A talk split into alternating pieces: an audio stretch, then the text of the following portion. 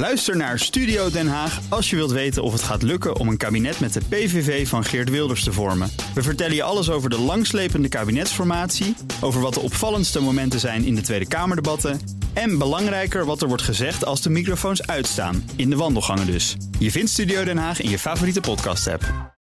De column van Jaap Jansen. In het eindverslag van Mariette Hamer wordt een aantal dingen duidelijk. De blokkade op Mark Rutte als premier van een nieuw kabinet is weg. Zes partijen, samen een ruime meerderheid, zijn bereid te praten over vorming van een meerderheidskabinet.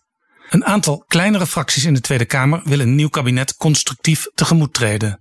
Op hoofdlijnen van beleid lijken de verschillen te overbruggen. De zes sluiten elkaar individueel niet uit, maar er zijn taboes op enkele combinaties.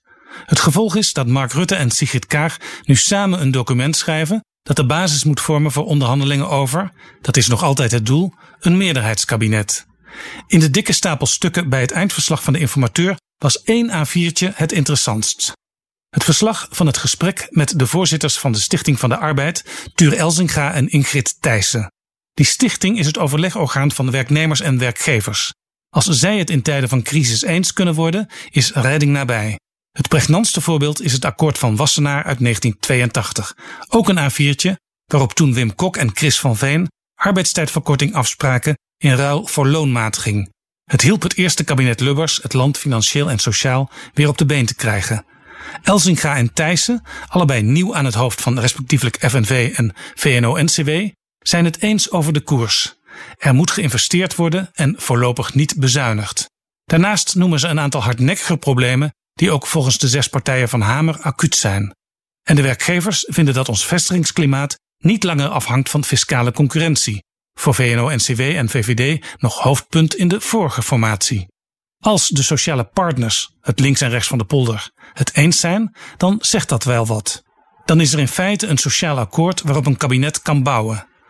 Als ik aan internationale gasten moet uitleggen wat de belangrijkste verschillen zijn tussen Nederlandse partijen, kom ik een heel eind met de uitleg. De VVD legt nadruk op de rol van de markt, de Partij van de Arbeid wat meer op de overheid en het CDA op de samenleving.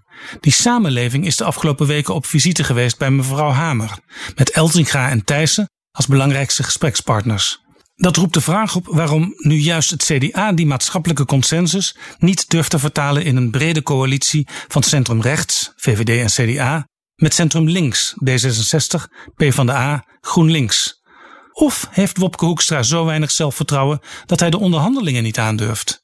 Mogelijk komt er helemaal geen meerderheidskabinet en vormen VVD en D66 uiteindelijk een minderheidscoalitie van centrum rechts en centrum links, die in het parlement op hoofdlijnen gesteund wordt. Als ze dat goed doen, zouden ze electoraal nog wel eens versterkt uit kunnen komen in deze post-coronatijd waarin het economisch voor de wind lijkt te gaan. En oppositie voeren loont niet meer automatisch. Zeker niet in een Kamer met dan 17 niet-regeringspartijen. Ook dat moet het CDA te denken geven.